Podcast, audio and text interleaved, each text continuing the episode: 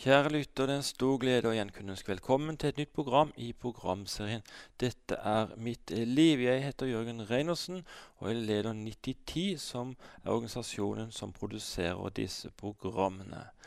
Jeg reiser land og strand rundt og møter mennesker med ulik ballast i livet, som deler sine unike livshistorier. Før jeg presenterer dagens gjest, vil jeg gjerne oppfordre deg som lytter om å støtte oss økonomisk, slik at vi kan fortsette å lage denne programserien. Vi ønsker ikke å produsere underholdningsprogram, men ønsker å formidle ærlige samtaler om livet. Vi håper at disse gripende livshistoriene skal komme ut, slik at de kan være til trøst, hjelp og velsignelse for alle som lytter.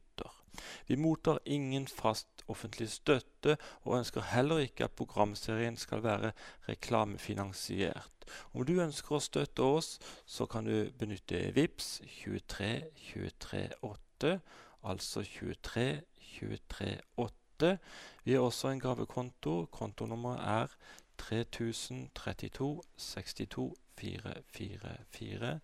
3032 62 444. Vi er veldig takknemlige til de av dere som har lyst å anledning til å støtte oss. Vi skal gjenta VIPS-nummer og kontonummer i slutten av dette programmet for de som ikke fikk helt tak i det. Da retter vi vår full oppmerksomhet mot dagens gjest, som er Toril Borch. Jeg har nemlig tatt turen til Haugesund for å treffe denne kvinnen som levde et destruktivt liv, men for bare tre år siden så kom hun inn på et krisesenter, og i to år har hun nå vært helt rusfri. Hun forteller at hun så død ut utenpå og følte seg død inne i seg. Men i dag sitter hun her og smiler til meg. Velkommen som gjest i dette mitt liv, Toril. Hjertelig takk. Du har en sterk og gripende historie, men har startet helt ifra begynnelsen av ditt liv. Hvor starta livet ditt? Jeg er fra Tana, da. Og jeg må bare si med en gang at du sa to år rusfri. Jeg er tre år rusfri. Tre år siden, ja. ja. Men eh, jeg er født og oppvokst i Tana, oppe i Finnmark, Øst-Finnmark. Hvordan var barndommen din? Barndommen min var, var, veldig fin. Jeg har trygge, gode foreldre. og og um, vi er fem søsken, og så uh, jeg hadde en fin barndom. Klarte du det greit på skolen? Jeg var nok en urolig person. Det var jeg.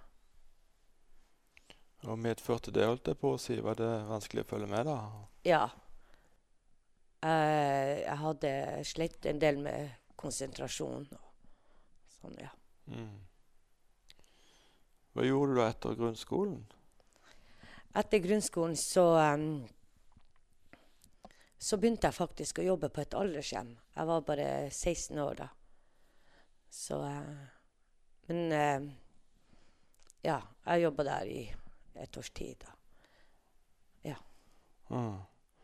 Du er jo åpen om at du har vært uh, rusmisbruker i, i mange år. Men hvordan starta det hele? Det starta jo med at jeg hadde i omgangskretsen min eh, var det en del eh, hasjrøyking. Så, um, så, det var det jeg begynte med, da. Eller, først var det vel kanskje alkohol, sånn som Men det var ikke, noe, det var ikke et problem, det. da, sant? Det var sånn vanlig ungdomsfesting. Hvis man kan si det, da. Men ja, som blir definert som vanlig, da. Men, eh, men uh, så var jeg 19 år da jeg begynte å røyke hasj. Ja. Men uh, det, det, gikk jo videre da over til amfetamin. Ja. Og så videre over igjen til uh, medisiner. Ja. Og, så det ble en blanding der. Det ene tok det andre? Ja. ja. Du ble også med barn mens du ruste deg? Ja, jeg, jeg Altså eh, Da når jeg når jeg fikk eh, det første barnet, så, eh, så var, da hadde jeg en rolig tid i, i livet. Og når jeg fikk andre, mitt andre barn, så, så var, var, det rusproblemer med barnefaren òg, da. Så da var det ikke så veldig greit. Du var, du var redd for å miste barna? Ja. Mm. Var veldig redd for å miste Og da roa du ned? eh, Ja, jeg gjorde det. Da um, dro jeg ifra han, og, og, um, og eh, da var jeg på et familiesenter. Kom jeg på et familiesenter i Trøndelag med, med barna. Og da hadde jeg, hadde jeg en god periode i livet hvor, um, hvor ting gikk, eh, gikk greit. da. Men jeg fikk vel, jeg fikk vel aldri jobba med meg sjøl.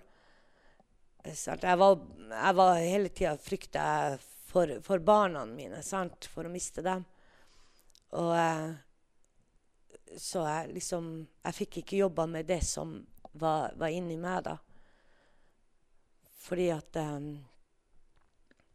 Jeg hadde jo mine opplevelser, selv om, som jeg sa til deg, at eh, jeg hadde en fin barndom og trygt hjemme, så hadde jeg allikevel en, en hendelse i, når jeg var veldig liten, da, som fireåring.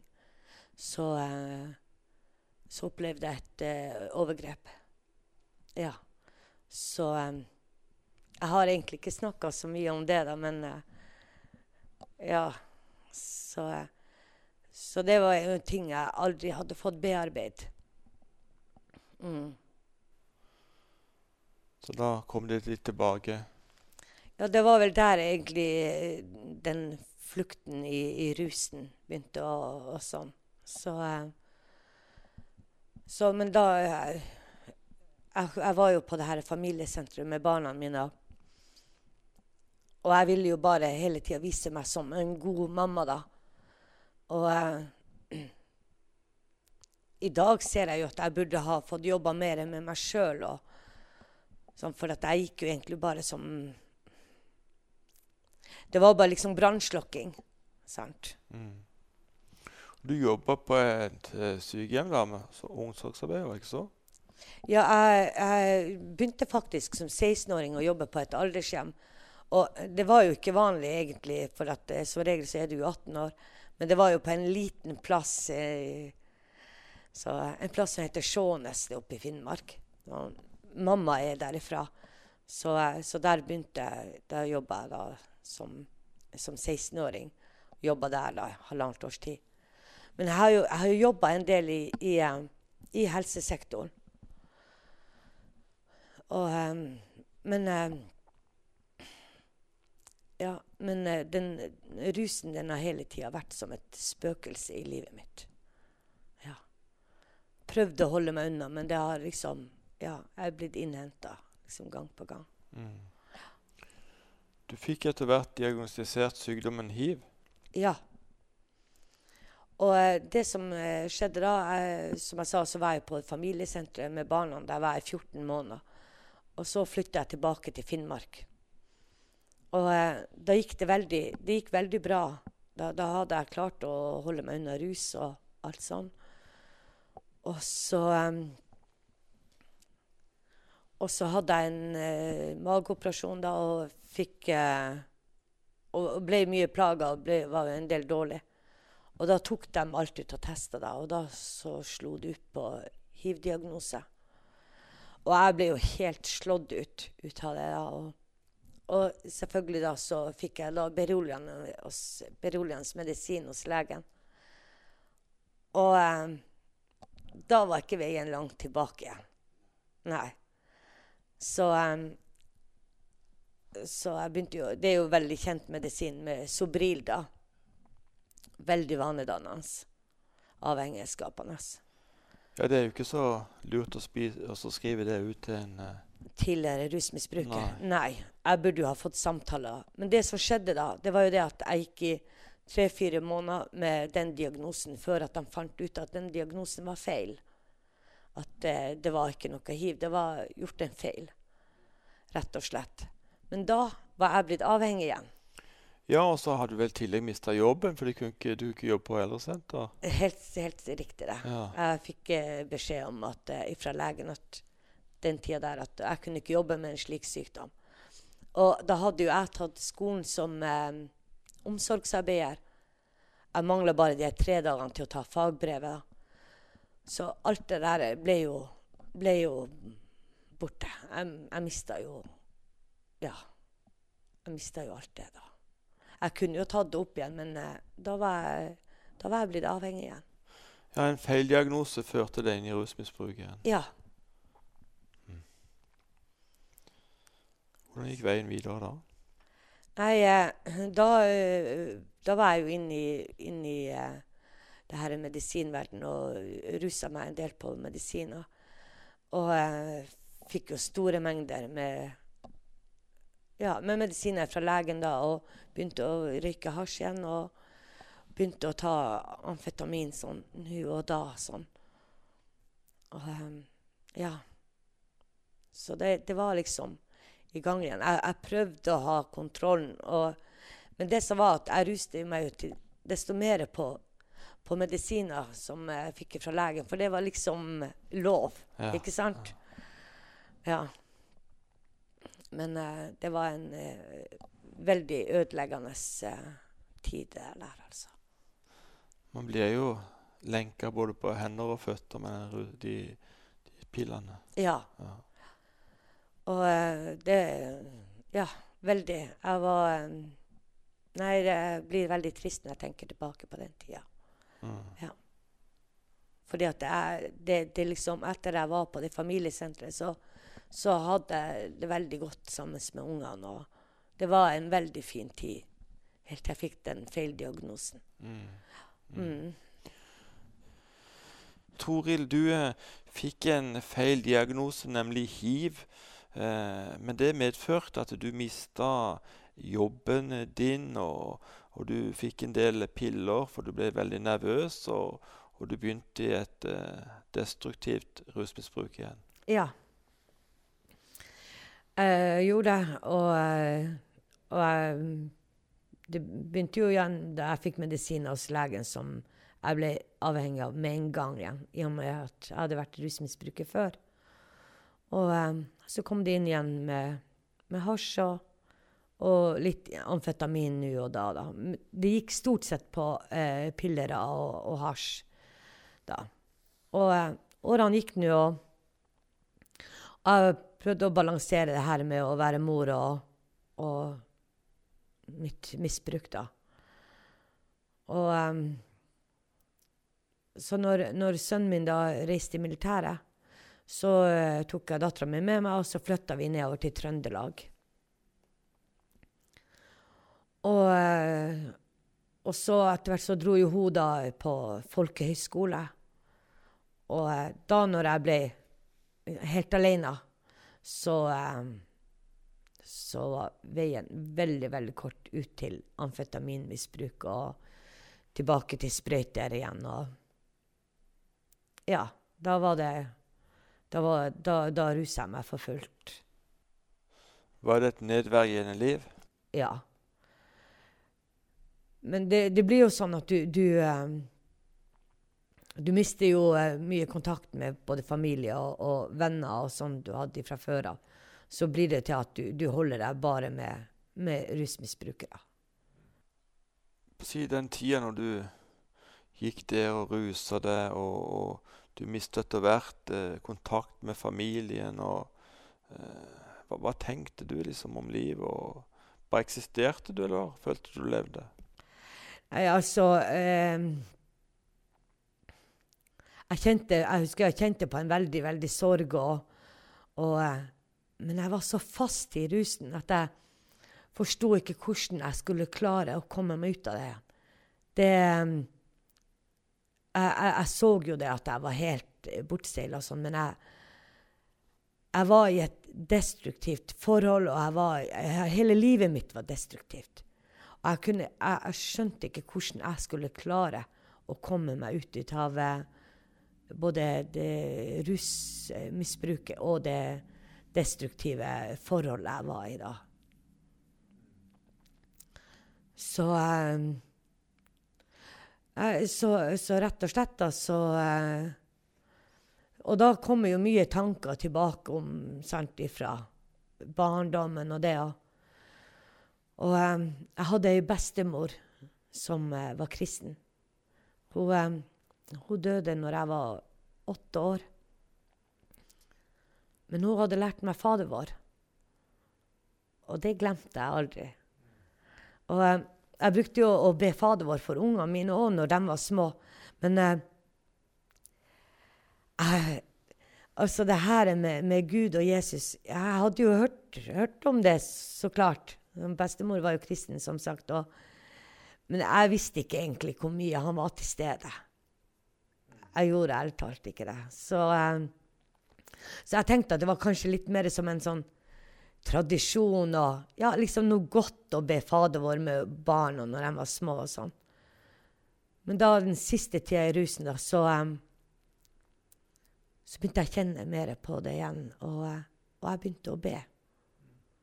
Begynte å be Fader vår igjen. Og, og, eh, og så begynte jeg å kjenne på en uh, voldsom tiltrekning imot kirker. Ja. Og uh, jeg kunne For den siste plassen jeg bodde i, uh, i Trøndelag, da var jeg nabo, altså nærmeste naboen min var en kirke. Og jeg kunne sitte i timevis og bare se, imot, ut, se ut av vinduet og se imot kirka. Og, og jeg brukte å gå dit om kveldene, for jeg var benka der på yttersida. Og da brukte jeg å sitte på benka og, og se bare imot kirka og, og be til Gud om han kunne hjelpe meg. Fikk du noe fred? Jeg, jeg kjente på en lengsel. Jo, jeg kjente jo på en fred når jeg satt der, da, men men jeg hadde, så, jeg hadde så stor sorg i meg. Jeg, jeg, var, jeg, var, full av sorg, og jeg var veldig, veldig nedkjørt. Men jeg kjente på en lengsel som jeg ikke helt forsto helt hva det var. Men ja, jeg kan, jeg kan bare forklare det som en lengsel. Spesielt uh, i Lukas evangelium kapittel 15 så står det om en kar som var bortkommen. Det er Jesus som forteller en liknelse, og han kom til seg sjøl, står det. Var det der du kom, liksom? At du erkjente etter hvert de faktiske forholdene? Ja, det, det, det, det gjorde Altså, det jeg, jeg, så at Og når vi snakker om den bortkomne sønnen, så, så, så, helt klart så var det meg. Og det var jo, var jo da den, den fortvilelsen jeg kom at Hvordan i alle dager skal jeg klare å komme meg ut av dette her. Fordi at jeg var, jeg var, så langt nede som et menneske egentlig bare kan komme. Det var Jeg veide vel 30 kilo og, og jeg var, var helt Jeg hadde mista meg sjøl totalt. Sant? Og mista dem rundt meg. Den eneste jeg hadde enda kontakt med, det var lillesøster, da. Og, men jeg, jeg, ba mye til jeg ba til, ba til Gud og, og, og, ba Fader vår og, og ba han om, om hjelp.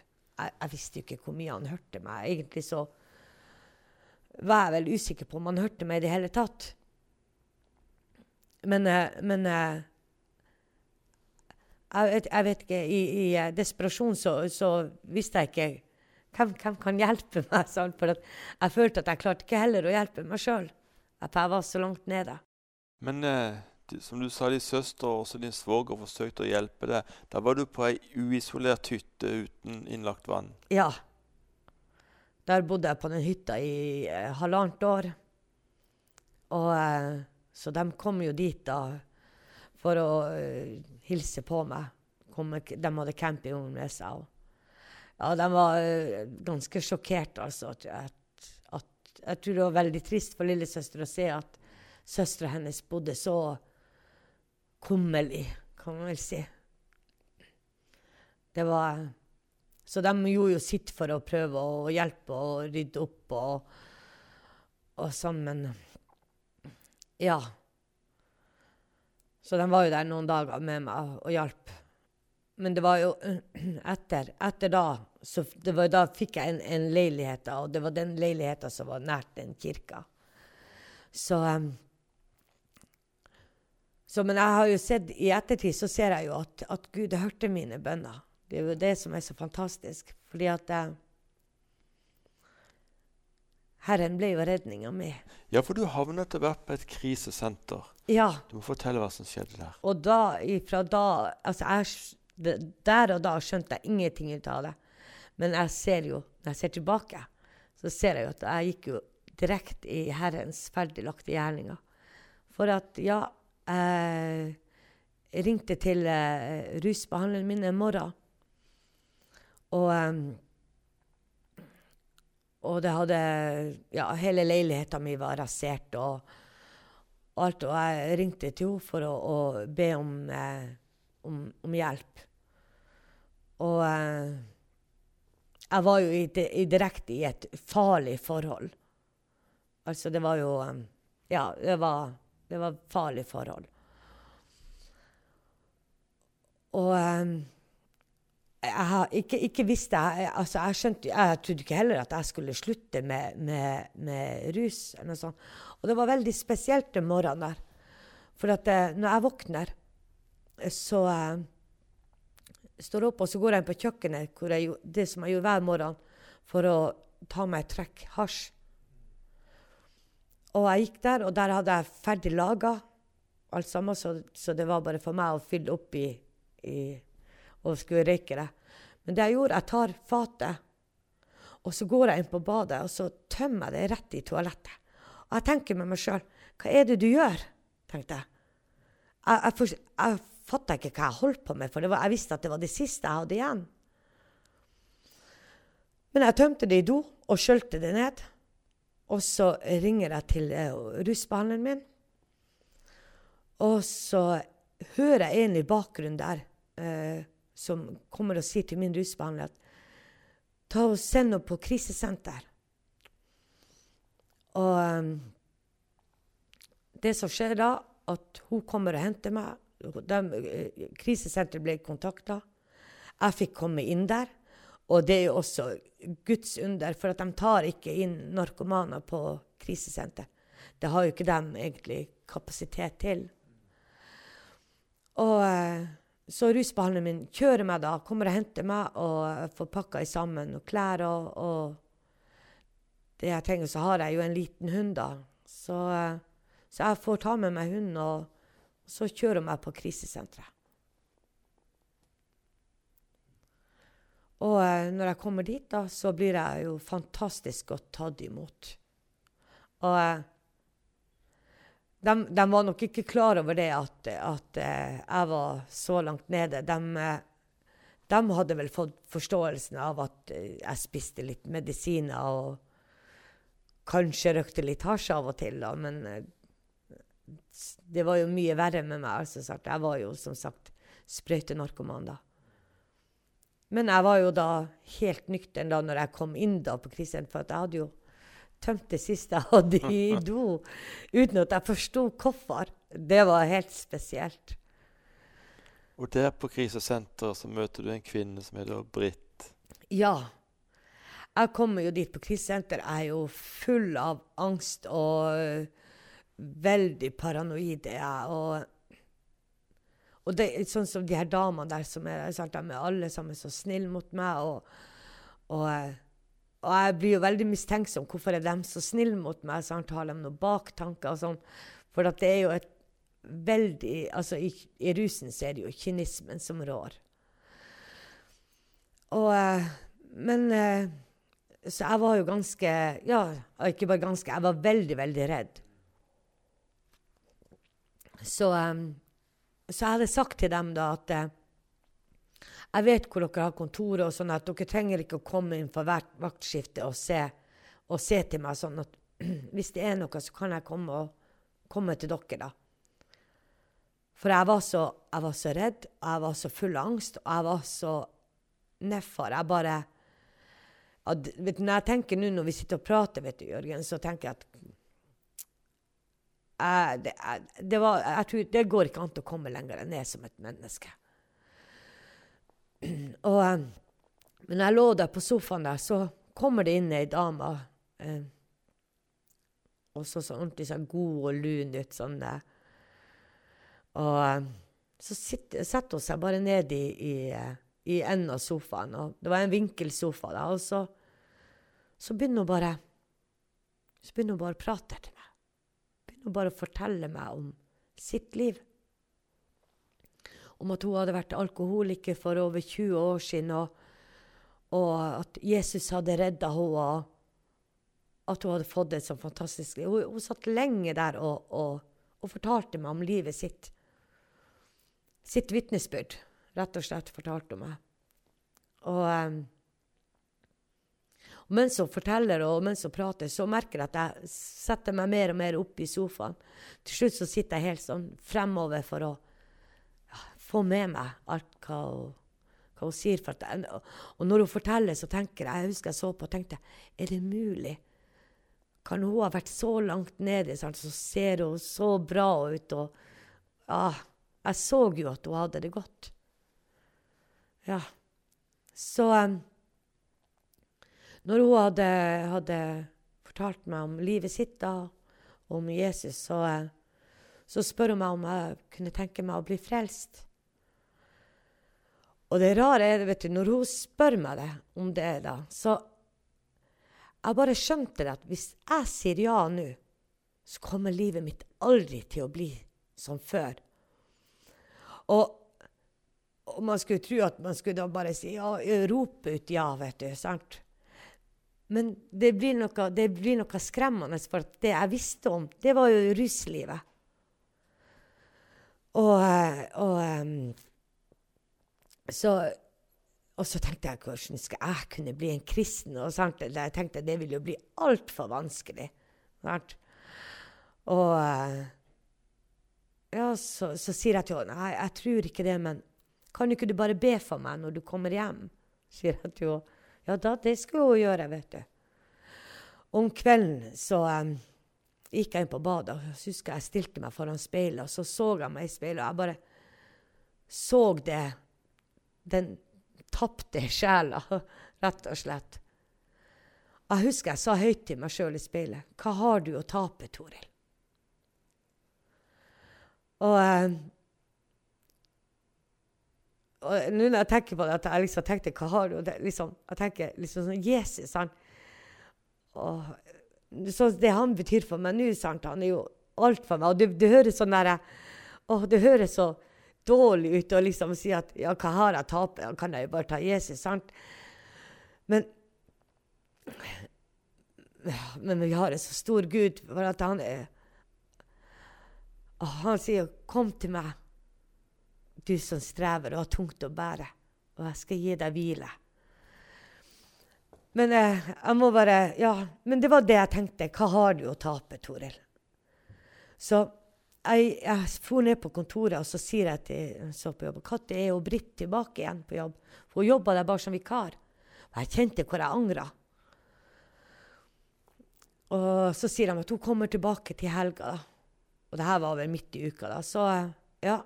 Så jeg gikk og venta og venta at det skulle bli helg. Og eh, så kom, eh, kom, helga da, og lørdagen, og hun kom på jobb. Og da eh, gikk jeg ned til henne, og så, så, sier jeg til henne, 'Britt, kan du be for meg?' Ja, det kunne hun gjøre. Klart det. Så vi satte oss ned. Jeg satt med henne i sofaen, hun i stolen, og så holdt hun meg i hendene. Og så begynte hun å be. Og det som skjedde da under bønnen, det var jo at Herren talte gjennom henne. Han talte direkte inn i livet mitt gjennom Britt. Jeg forsto ikke hva som skjedde. for jeg jeg var jo ikke kjent med, med, med Gud på den måten. sant? Og, eh, men, eh, men, hun talte direkte inn i livet og minte meg på situasjoner. Sant? Jeg hadde jo vært, opplevd en overdose. Så, eh, sånn forgiftning, da. Jeg var blitt forgifta da, og, ja, så det ble overdose. Og hun talte rett inn i den situasjonen.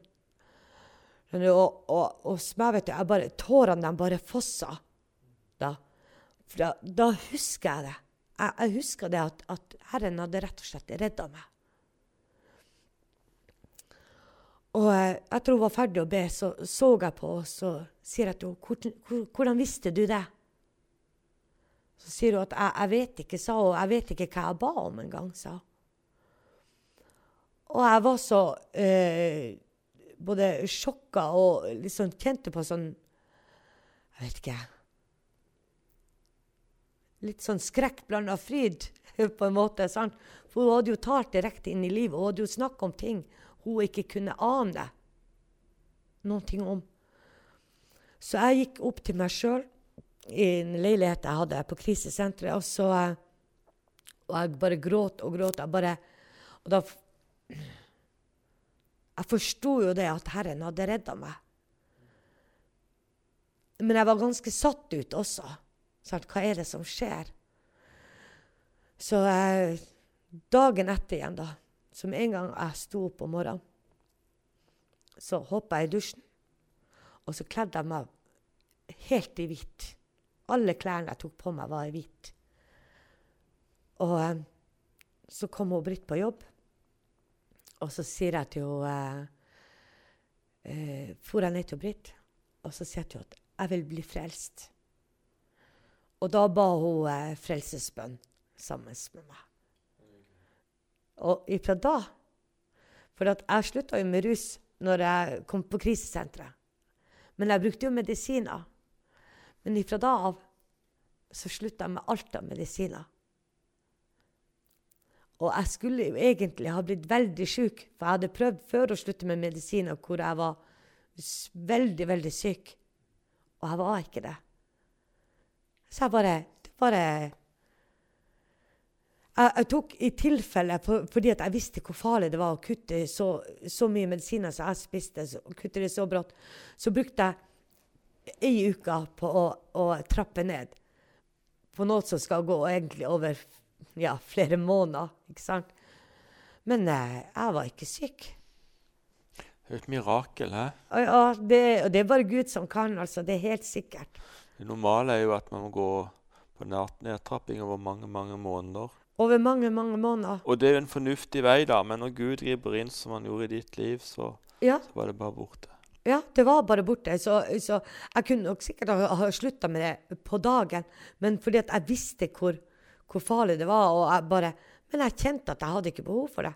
Men etter ei uke så, så, så, tok jeg ikke noe Og da hadde jeg jo Jeg brukte bare ei uke på å trappe ned, da. Sant? Så ja. Du hadde gjort eh, mange gale valg i livet, og selvfølgelig hadde familien blitt berørt av det. Måtte du gå til de og be om tilgivelse? Ja, selvfølgelig.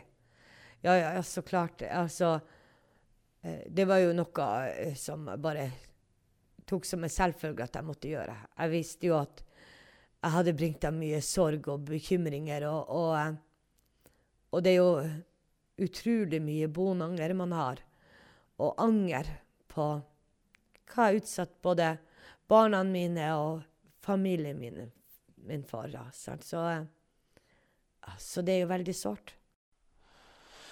Nå arbeider du selv med mennesker som sliter med rus. Ja.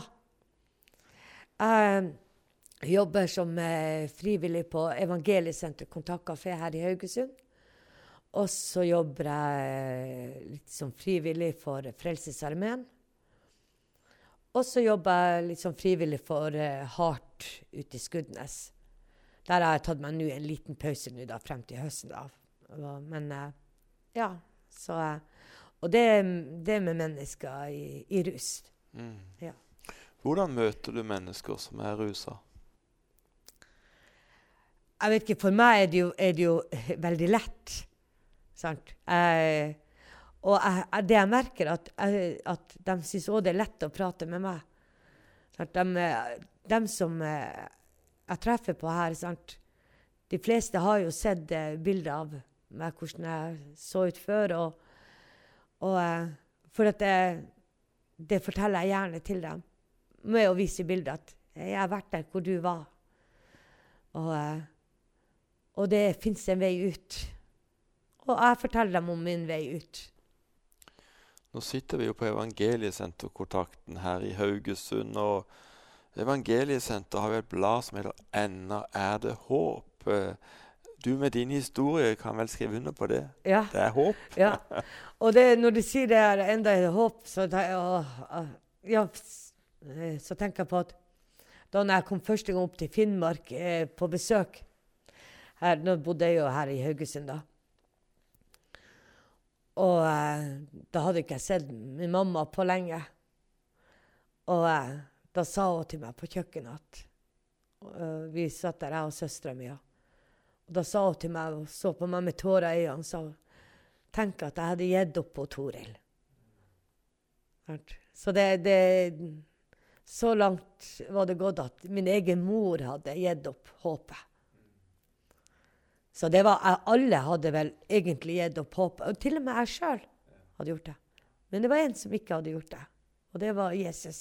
Jeg har jo sett det bildet av deg, Tori, når du veide 30 kg. Du sier jo sjøl du var død i blikk, og jeg må jo skrive under på det, da. Men, men, i dag så er det jo en fantastisk forandring, altså. Hva Gud har gjort i livet ditt. Du er et helt menneske igjen. Eh. Ja, det, det er veldig Det er helt utrolig. Og det er på så kort tid, bare gått tre år. Mm. Tenk det. Ja. ja. Det er sannsynlig at det sitter en del mennesker og lytter på dette programmet som sliter med avhengighet enten til piller eller til illegale rusmidler. Hva vil du si til dem? At det er håp. Helt klart. Og eh, altså, det som var redninga for meg, det var eh, å gå veien med, med Herren. Og som jeg sa til deg, at jeg hadde jo tenkt da når hun spurte meg om jeg ville bli frelst, at det ville bli for vanskelig for meg. Det er jo ingenting jeg har trengt å gjøre. Det er jo, Herren har jo restaurert meg, og det er liksom eh,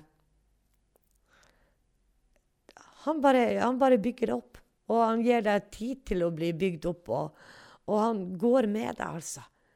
Hver en dag. Og det er klart det, det har vært tøffe tider. og mye, mye traumer fra rus, ruslivet og sånn. Og jeg har jo gått i Jeg gikk jo i nesten to år i traumebehandling og, og sånn. Men eh, vet du hva, men Herren har vært med hele tida. Hver en dag. Hver en dag. Er det noen bibelvers som betyr noe spesielt for deg? Å ja, det er det. Det er fra Salme 121. Den vil jeg gjerne lese, og den er så fin. Min hjelp kommer fra Herren. Jeg løfter mine øyne opp til fjellet. Hvor skal min hjelp komme ifra? Min hjelp kommer fra Herren, Han som skapte himmelen og jorden. Han skal ikke la din fot gli ut. Din vokter skal ikke slumre. Se, han slumrer ikke og sover ikke, han som er Israels vokter. Herren er din vokter, Herren er din skygge ved din høyre hånd. Solen skal ikke stikke deg om dagen, heller ikke månen om natten. Herren skal bevare deg fra alt ondt, han skal bevare din sjel. Herren skal bevare din utgang og din inngang fra nå av og til evig tid. Nydelig. Ja. Kan du avslutningsvis tenke deg å be en bønn for de som lytter på dette programmet? Ja. Kjære Jesus, jeg bare takker deg, Herre, for at eh, Takk for at du redda meg, og jeg bare takker deg for det her radioprogrammet. Og jeg bare takker deg for at vitnesbyrd skal nå ut til folk som har det vanskelig, og skal skjønne det at det er du, Herre, som er veien, sannheten og livet. Så Herre, jeg bare ber for dem, hver og en som hører på, at du bare frelser og velsigner dem. Jeg bare ber for dem som er syke, som ikke har det, har det bra, som sliter psykisk, og som sliter med traumer og som sliter med rus. Jeg bare ber deg, Herre, om å bare gå i livet deres og bare løsrive dem, Herre. Jeg bare ber deg, Herre, og bare vise dem at, det, med at de følger deg og bare tar deg i sitt hjerte og erkjenner deg som Herre. Skal deres liv bli lett og gå mye lettere at du er med dem, Herre. Så jeg bare ber deg, Herre, om å og bare velsigne da hver og en av dem som hører på. I Jesu navn. Amen. Amen, amen. Toril Borch, hjertelig tusen takk skal du ha, for du var så åpen og oppriktig og delte fra ditt liv. Jeg tror det kan være til stor hjelp for de som lytter på dette programmet. Må Gud rikelig velsigne deg, din familie og ditt virke i årene fremover. Takk. Kjære lytter. Det kan kanskje se både mørkt og elendig ut i den situasjonen du befinner deg i akkurat nå, men Toril er et levende bevis på at alt er mulig for Gud. Toril valgte å gi Jesus en sjanse i livet, og det har hun aldri angret på. Vi vil på det varmeste anbefale deg å gjøre Jesus til Herre og Mester i ditt liv. Om du ønsker dette, kan du be denne bønnen etter meg. Jesus, jeg kommer til deg nå slik som jeg er. Tilgi meg for mine synder. Jeg tar imot deg som min Herre og min Frelser i livet. Takk at jeg nå er ditt barn, Gud, fordi ditt ord sier. Om du ba denne bønnen, vil vi veldig gjerne komme i kontakt med deg, slik at vi kan sende deg et Nytestamente sammen med litt annen litteratur. Du kan kontakte meg, Jørgen Reinersen, på Facebook eller via vår hjemmeside 9010.no. Dette staves slik nitti10.no.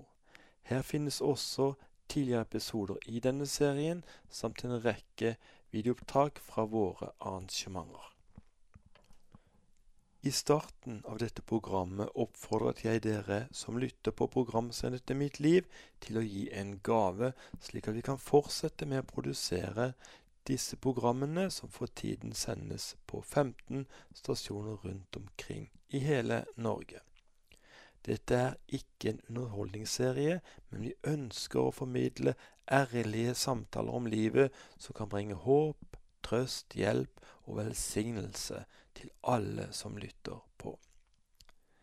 Vi mottar ingen fast offentlig støtte. Som du ønsker å være med og støtte oss, kan du vippse til 23 23 8, altså 23 23 8. Vi har også en gavekonto. Bankkontonummeret er 3032 62 444, altså 3032 62 444. Vi er også veldig takknemlige til dere som ønsker å huske på dette arbeidet i bønn. Husk, kjære lytter, du er høyt elsket, du er verdifull, du er unik. Det finnes bare én som deg. Vi takker for i dag og ønsker deg det beste av alt Guds velsignelse.